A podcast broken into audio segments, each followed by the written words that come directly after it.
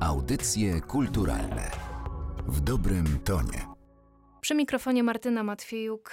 Witam Państwa bardzo serdecznie w kolejnym odcinku Audycji Kulturalnych. Dziś moim i Państwa gościem jest pani Katarzyna Gębarowska, kuratorka wystaw fotograficznych, fotografka, a także dyrektorka Vintage Photo Festiwalu, który rozpoczyna się dziś w Bydgoszczy. Dzień dobry. Dzień dobry. Na stronie festiwalu czytamy, że świat fotografii tradycyjnej to dreszcz emocji, mgła tajemnicy, urok niespodzianki.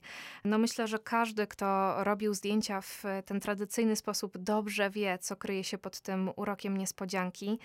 Festiwal odbywa się już e, po raz ósmy. Jak pani sądzi, dlaczego fotografia tradycyjna wróciła do łask w tak pięknym stylu i przyciąga coraz więcej młodych osób? To jest pytanie podstawowe, dla którego też zrodził się festiwal, idea festiwalu, ponieważ no, zachłysnęliśmy się gdzieś tą fotografią cyfrową. Obraz cyfrowy, fotograficzny stał się niezwykle popularny i powszechny. Myślę, że takim momentem decydującym to było też pojawienie się smartfonów z bardzo dobrym aparatem fotograficznym gdzie już naprawdę każdy mógł być fotografem i nastąpiła taka tęsknota, trochę chyba taka melancholia, no przynajmniej na pewno tak było w moim przypadku, ale sądząc po popularności mojego festiwalu, myślę, że jest to powszechne zjawisko, za takim rękodziełem, za unikatem, za właśnie taką powolnością tego wyłaniania się tego obrazu fotograficznego, za tą magią, o której Pani mówi. Dla przykładu powiem, że Parę dni temu byłam na festiwalu fotografii analogowej pod Barceloną, w małym miasteczku Vilassar de Dalt i tam odbywał się chlitarg takich materiałów fotograficznych, aparatów i udało mi się zakupić tam przepiękną ambrotypię, czyli takie zdjęcie wykonane na szkle. To było niezwykle popularne w XIX wieku, szczególnie w Stanach Zjednoczonych. Malutka fotografia na szkle, pod którym podłożona była czarna płytka i ponieważ szkło było bardzo kruche, to pakowano to wszystko w przepiękne etui, takie pozłacane z welurem albo z aksamitem. Moja fotografia, którą udało mi się nabyć, przedstawiała właśnie dziewczynkę, jakąś chyba taką, no może dziewięcioletnią, dziesięcioletnią w żałobie, widocznie po stracie kogoś bliskiego. No magia, która towarzyszy dotykaniu tego przedmiotu, tego artefaktu jest niezwykła i myślę, że dla wielu osób fotografia cyfrowa nawet wydrukowana i uprawiona, nigdy nie będzie dostarczała tego dreszczyku emocji. Hmm. Zgadza się, wiele z tych e, technik tradycyjnych to naprawdę iście magiczne zjawiska. E, hasłem przewodnim tegorocznej odsłony festiwalu jest e, siła kobiet. Bez wątpienia wspaniale wpisuje się w to hasło historia Wandy Rutkiewicz oraz wystawa ze zdjęciami jej autorstwa, o której za moment powiemy. Ale ja chciałabym jeszcze zwrócić uwagę na miejsce, w którym ten festiwal się odbywa to jest Bydgoszcz. Miejsce szczególne dla polskiej fotografii, ale też szczególne jeśli chodzi o kobiety w fotografii. To w dużej mierze właśnie kobiety budowały powojenną legendę zakładów e, foton. Chyba trudno o lepszą lokalizację festiwalu z takim motywem przewodnim. W pełni się zgadzam.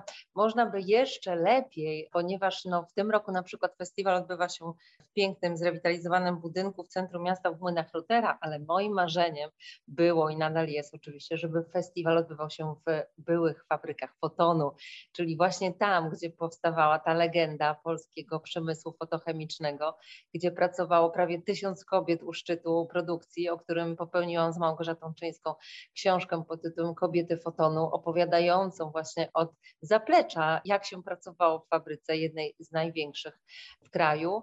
Fabryka ta fotonu niestety jest w stanie, którym nie pozwala na jej użytkowanie, ale jeszcze stoi mhm. E, i mam nadzieję, że może kiedyś uda się powrócić właśnie w to miejsce do fotonu.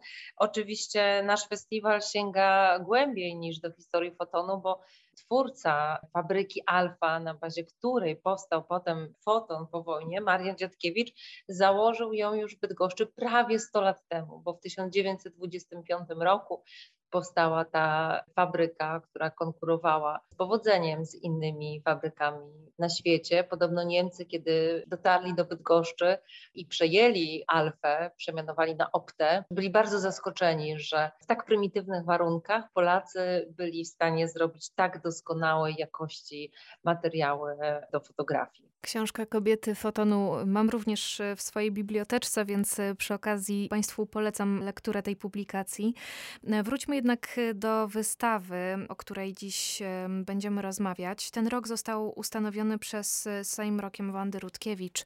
Minęło 30 lat od jej zaginięcia w Himalajach. Znaliśmy dotąd część czarno-białego materiału fotograficznego autorstwa Wandy Rutkiewicz, ale na festiwalu mamy okazję zobaczyć wystawę, w ramach której po raz pierwszy pokazywany będzie kolorowy materiał autorstwa himalaistki. Co to za zdjęcia? To są zdjęcia, które są cudem odzyskane i odratowane i znalezione po 30 latach rzeczywiście od e, zaginięcia Wandy. To jest archiwum, które cudem ocalało. Historia, która się powtarza tak naprawdę, kiedy pracuje się z historią fotografii kobiet, co jest moją pasją i moim zajęciem badawczym. Przez cały czas gdzieś właśnie dochodzimy do tego wniosku, że te archiwa kobiet są niezadbane, że przede wszystkim no, one same nie dbają o swoje archiwa, nie podpisują zdjęć. Trudno jest potem dojść, szczególnie jeżeli są to pary na przykład fotograficzne, czy to ona wykonała zdjęcie, czy to on wykonał. Bardzo często nie przechodzą do historii fotografii właśnie z wielu względów. Wolą promować swoich mężów albo zwyczajnie na świecie no, nie myślą o tym, że to, co robią jest istotne i ważne. Tutaj w przypadku archiwum Wandy Rutkiewicz tak naprawdę nie wiem, dlaczego przez 30 lat nikt nie zainteresował się, gdzie są te jej zdjęcia. Cieszę się natomiast bardzo, że zainteresowała się Eliza Kumarska i ona pracując nad dokumentem o Wandzie Rutkiewicz wystosowała właśnie apel o pomoc w digitalizacji kilku tysięcy fotografii, które ocalały w pudłach przechowywanych u producenta filmowego i zaoferowałam swoją pomoc i w ten sposób dotarłam do, do tego materiału, który okazał się niezwykły, bardzo bogaty. Zobaczą Państwo na wystawie oczywiście dzisiaj tylko fragment tego archiwum, bo nie sposób pokazać kilku tysięcy zdjęć. Jest to wybór kuratorski, którego dokonałam, 35 kolorowych fotografii, zarówno skanowanych z kliszy, jak i ze slajdu, pokazujący zarówno tą najbardziej kultową, znaną wycieczkę wysokogórską, czyli wspinaczkę na Mount Everest, ale również kilka innych kadrów z innych gór. Co je łączy, to jest to, że są wszystkie właśnie wykonane w kolorze, czyli zdjęcia, których do tej pory nie było. A fascynuje mnie też najbardziej to, że pokazują tak jakby tą zmieniającą się pozycję kobiety w krajobrazie, kobiety odkrywcę, prawda, umiejscowionym w tym nieznanym terytorium. Jak wiemy, kobiety no, cały czas walczyły o emancypację, jeszcze nawet w tym XX wieku. Sama Wanda była emancypantką i walczyła o to, żeby się móc wspinać w górach, szczególnie chciała się wspinać z kobietami w tak zwanych wyprawach kobiecych, bo uważała, że jeżeli będzie chodziła w zespole mieszanym, to te osiągnięcia kobiet będą gdzieś deprecjonowane. I to się łączy z takim motywem w sztuce, a raczej braku motywu w sztuce kobiet wędrowczyń. Jest bardzo znany motyw romantyczny, oczywiście mężczyzny wędrowca, bardzo dobrze udokumentowany, natomiast kobiety wędrujące nie pojawiały się za często. Mieliśmy kiedyś taką artystkę z Norwegii, Toni Birkeland, która zrobiła sobie takie autoportrety, poszła z aparatem wielkoformatowym w góry i zrobiła cykl o takich heroinach, o takich właśnie bohaterkach, które się spinają w góry, przełamując stereotypy, czyli zarówno te wędrówki, jak i te braku właśnie kobiet w historii sztuki. Wanda tutaj robi zdjęcia niezwykłe, pejzaże takie bardzo romantyczne, bardzo w stylu Kacpara Dawida Friedricha. Musiała bardzo kochać fotografię, żeby taszczyć ten sprzęt, wysokie góry i zmieniać klisze, bo mówimy przecież o fotografii analogowej. W przypadku slajdów to mamy w średnim formacie tylko 12 klatek, więc co 12 zdjęć przy minus 30 stopniach, proszę sobie wyobrazić, trzeba było zmieniać film. Ten materiał fotograficzny będą Państwo też e, mogli zobaczyć e, w dokumencie Elizy Kubarskiej, o którym e, Pani wspomniała. Ostatnia wyprawa ma się ukazać na początku 2023 roku. W ogóle filmy o tematyce himalajstycznej cieszą się niegasnącą popularnością. W kinach zobaczymy teraz Broad Peak. Rozmawialiśmy w audycjach kulturalnych o ścianie cieni właśnie Elizy Kubarskiej, czy ostatniej górze Dariusza Załuskiego. Na festiwalu Vintage Photo Festival też będzie można obejrzeć film Być kobietą w Himalajach. Ta projekcja koresponduje poniekąd z wystawą. Tak, jak najbardziej. Bycie kobietą w Himalajach no, nawiązuje też do motywu przewodniego siła kobiet, prawda, festiwalowego. Poza Elizą Kubarską będziemy mieli jeszcze zaszczyt y, na tej projekcji gościć siostrę Wandy Rutkiewicz, która też przylatuje do nas specjalnie na festiwal, więc będzie można porozmawiać zarówno z siostrą, jak i z twórczynią filmu Elizą Kubarską.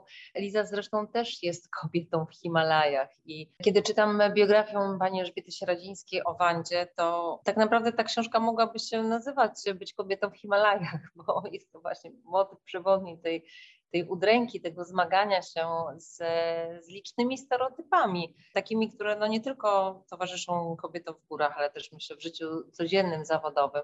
Być silną, ambitną kobietą nie jest łatwo. Fotografia bardzo długo była zdominowana przez mężczyzn, podobnie jak himalaizm, o czym też pani wspomniała. Tutaj Wanda Rutkiewicz występuje na przekór obu tym tendencjom.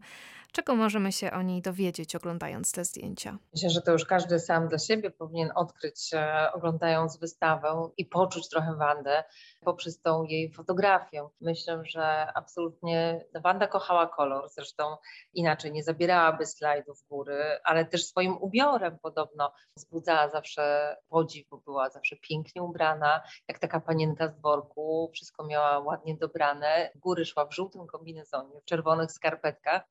I myślę, że to jest też taka trochę ironiczna rzecz, bo przez bardzo długi czas, szczególnie w Polsce, uważano, że kolor to kicz i że kolor to jest tylko taki materiał właśnie dla amatorów albo materiał reklamy, że prawdziwa fotografia musi być czarno-biała, że prawdziwa fotografia to piktorializm, to Jan Buchak i całe to nasze tutaj dziedzictwo kulturowe. Natomiast Wanda jakby wybierała świadomie kolor. Myślę, że też z tego względu, że fotografia barwna była przez bardzo długi czas trudno dostępna i kiedyś ręcznie kolorowano zdjęcia. Wcześniej to było w ogóle już tylko jakieś takie metody bardzo wymagające typu autochromy, potem ręcznie kolorowano fotografię. Potem Kodak w 1943 roku wypuścił pierwsze filmy na masową skalę do fotografii kolorowej, ale jednak e, jeszcze długo po wojnie w Polsce kolorowano przecież ręcznie zdjęcia. Potem były jakieś filmy, ale był ten materiał materiał taki typu Orwo, prawda, i nie do końca trzymał ten kolor. I myślę, że Wanda, która miała świetne kontakty z Zachodem, zresztą miała też przecież drugiego męża w Austrii, miała dostęp do tego materiału fotograficznego, dobrego, typu akwachrom, korzystała z tego i fotografowała i myślę, że nie zastanawiała się w ogóle, czy robi sztukę, czy po prostu robi reportaż, żeby zarobić na życie, bo przecież tymi zdjęciami i filmami, które również kręciła w górach, zarabiała na życie. To był jej sposób na to, żeby zdobyć gotówkę na kolejną wyprawę. Myślę, że dopiero dzisiaj jest taki czas w historii fotografii, ogóle w świecie sztuki, kiedy dopuszcza się na salony wystawiennicze fotografie takie użytkowe, właśnie reportaże, dokument, fotografie wernakularne, różnego rodzaju zdjęcia, które nie były robione z intencją tworzenia wysokiej sztuki. No właśnie chciałam zapytać Panią o to, jak oceniłaby Pani poziom artystyczny tych zdjęć, odzierając je ze wszystkich emocji, które towarzyszą nam wokół nazwiska Rutkiewicz. Czy Himalajstka jawi się tutaj jako również świetna fotografka? Absolutnie tak. Jawi się jako świetna fotografka. Digitalizując ten materiał, tak naprawdę tylko czyściliśmy go z brudów. Był strasznie zabrudzony, no bo 30 lat e, przeleżał w pudłach, ale absolutnie nie kadrowaliśmy tych zdjęć, nie poprawialiśmy kolorów. To są wszystko bardzo dobre zdjęcia. Wanda miała perfekcyjne oko, dokładnie umiała oddać chwilę, potęgę natury, chwilę, w której się znajdowała i fascynację tą przyrodą, którą zresztą od maleńkości lubiła naturę. Wspinała się przecież na skałkach. Też warto pamiętać o tym, że ten materiał i ta wystawa, pokazująca właśnie zaledwie wycinek tej jej twórczości, to jest wszystko za mało, żeby wydać jakiś osąd o twórczości Wandy. Ja mogę powiedzieć, że w tym fragmencie właśnie wyboru tego kolorowego materiału e, jest taki tak, ale te archiwa kryją dużo więcej. Tam jest też reportaż, tam są też szerpowie, tam są zdjęcia z Nepalu, z Indii. Trzeba to wszystko przejrzeć, skatalogować. To są lata pracy, żeby wydać taką porządną publikację i napisać właśnie dobry wstęp, już podsumowując jej twórczość. Dużo bardzo z tych zdjęć, które znalazły się w naszych rękach, to są też w ogóle duplikaty i to jest też bardzo ciekawa historia, bo okazuje się, że fotografowie, znaczy wspinacze, którzy się wspinali, musieli oddawać swoje zdjęcia, swoje oryginały organizatorom wyprawy bardzo często, którzy spieniężali je i wydawali jakieś albumy. Natomiast osoby tak jak Wanda i inni fotografowie mieli prawo jedynie do wykonania sobie duplikatów. I podczas pierwszej pracy z tym archiwum ja byłam bardzo skonsternowana, kiedy właśnie dostałam do ręki pudełko i patrzę jedno zdjęcie, drugie, trzecie, wszystkie takie same. Zaczęliśmy nakładać te zdjęcia na siebie w Photoshopie, żeby sprawdzić, czy rzeczywiście nie są to jakieś poklatkowe na przykład ujęcia, ale nie, okazało się, że to były dokładnie te same fotografie. W pudełkach prawie nie ma podpisów Wanda Rutkiewicz. Jest natomiast podpis Janusza Onyszkiewicza i tutaj znowu się kłania to, że mężczyźni bardziej dbają o swoją atrybucję i podpisują swoje prace. Wanda nie, nie podpisywała, jednak domniema się, że wszystkie pudła, które posiadała, były jej autorstwa i to był właśnie materiał, którym posługiwała się przy prelekcjach. Zdjęcia z archiwum Wandy Rutkiewicz będą Państwo mogli zobaczyć na jednej z wystaw w ramach ósmego Vintage Photo który startuje już dziś i potrwa do 2 października. Rozmawiałam o nim z dyrektorką festiwalu, a także kuratorką tejże wystawy, panią Katarzyną Gębarowską. Bardzo dziękuję pani za to spotkanie. Dziękuję również. Audycje kulturalne w dobrym tonie.